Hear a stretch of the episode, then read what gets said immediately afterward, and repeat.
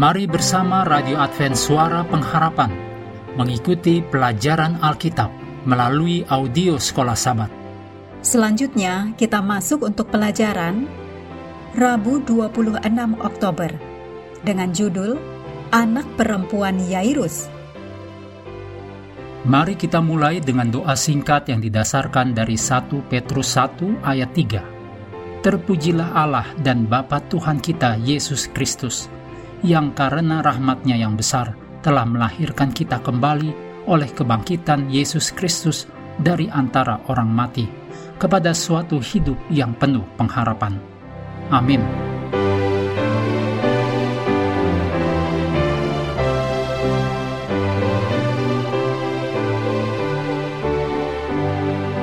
Kebangkitan-kebangkitan yang terjadi sebelum kematian dan kebangkitan Yesus sendiri tidak terbatas pada kelompok etnis atau kelas sosial tertentu.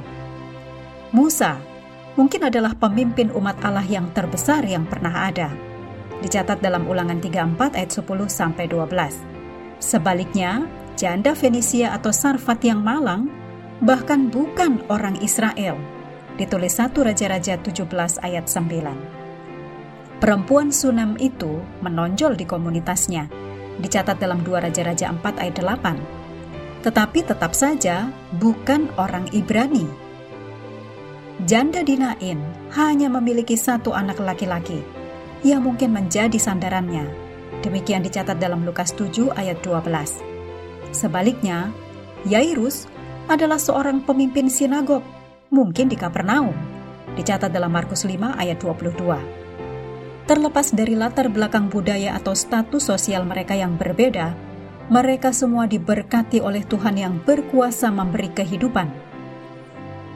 Dalam Markus 5 ayat 21 sampai 24, juga ayat 35 sampai 43, kita dapat pelajari tentang kematian dari sabda Kristus. Anak itu tidak mati, tetapi sedang tidur. Ditulis dalam Markus 5 ayat 39 anak perempuan Yairus yang berusia 12 tahun terbaring sakit parah di rumah. Jadi, Yairus pergi kepada Yesus dan memohon untuk Yesus datang ke rumahnya dan meletakkan tangan penyembuhannya di atas anak perempuannya.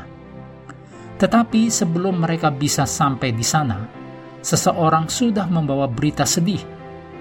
Ditulis dalam Markus 5 ayat 35, Anakmu sudah mati, apa perlunya lagi engkau menyusah-nyusahkan guru? Kemudian Yesus berkata kepada Yairus, ayah yang berduka itu, Jangan takut, percaya saja. Ditulis dalam Markus 5 ayat 36. Memang yang bisa dilakukan ayah hanyalah percaya sepenuhnya pada campur tangan Tuhan. Sesampainya di rumah, Yesus berkata kepada orang-orang yang berkumpul di sana, Markus 5 ayat 39. Mengapa kamu ribut dan menangis? Anak ini tidak mati tetapi tidur. Mereka mengolok-olok Yesus karena yang pertama, mereka tahu bahwa anak perempuan itu sudah mati. Yang kedua, mereka tidak memahami arti kata-kata Yesus.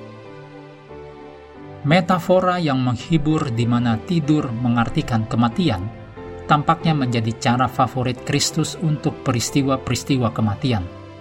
Dicatat dalam Matius 9 ayat 24, Lukas 8 ayat 52, dan Yohanes 11 ayat 11 sampai 15.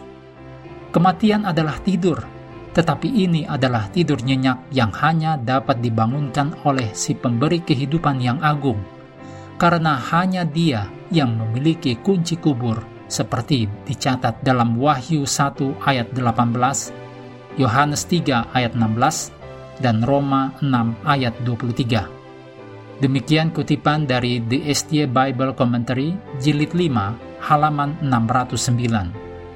Setelah kebangkitan anak perempuan ini, mereka yang melihatnya sangat takjub. Demikian dicatat dalam Markus 5 ayat 42.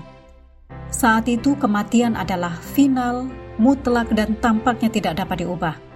Untuk melihat kebangkitan seperti ini dengan mata kepala sendiri, pasti merupakan pengalaman yang luar biasa dan mengubah hidup. Kata-kata Yesus, "Jangan takut, percaya saja," yang ditulis dalam Markus 5 ayat 36 masih bermakna bagi kita sekarang ini. Kita harus bisa belajar, jangan takut, percaya saja. Bahkan di tengah situasi yang menakutkan, yang adalah saat-saat paling penting untuk tetap percaya. Mengakhiri pelajaran hari ini, mari kembali kepada ayat hafalan kita, Yohanes 11 ayat 25 dan 26. Jawab Yesus, Akulah kebangkitan dan hidup. Barang siapa percaya kepadaku, ia akan hidup, walaupun ia sudah mati. Dan setiap orang yang hidup dan yang percaya kepadaku tidak akan mati selama-lamanya. Percayakah engkau akan hal ini? Kami mendorong Anda untuk terus mengambil waktu bersekutu dengan Tuhan setiap hari bersama dengan seluruh anggota keluarga. Baik melalui renungan harian, pelajaran sekolah sahabat, juga bacaan Alkitab sedunia percayalah kepada nabi-nabinya yang untuk hari ini melanjutkan dari 2 Samuel 19. Tuhan memberkati kita semua.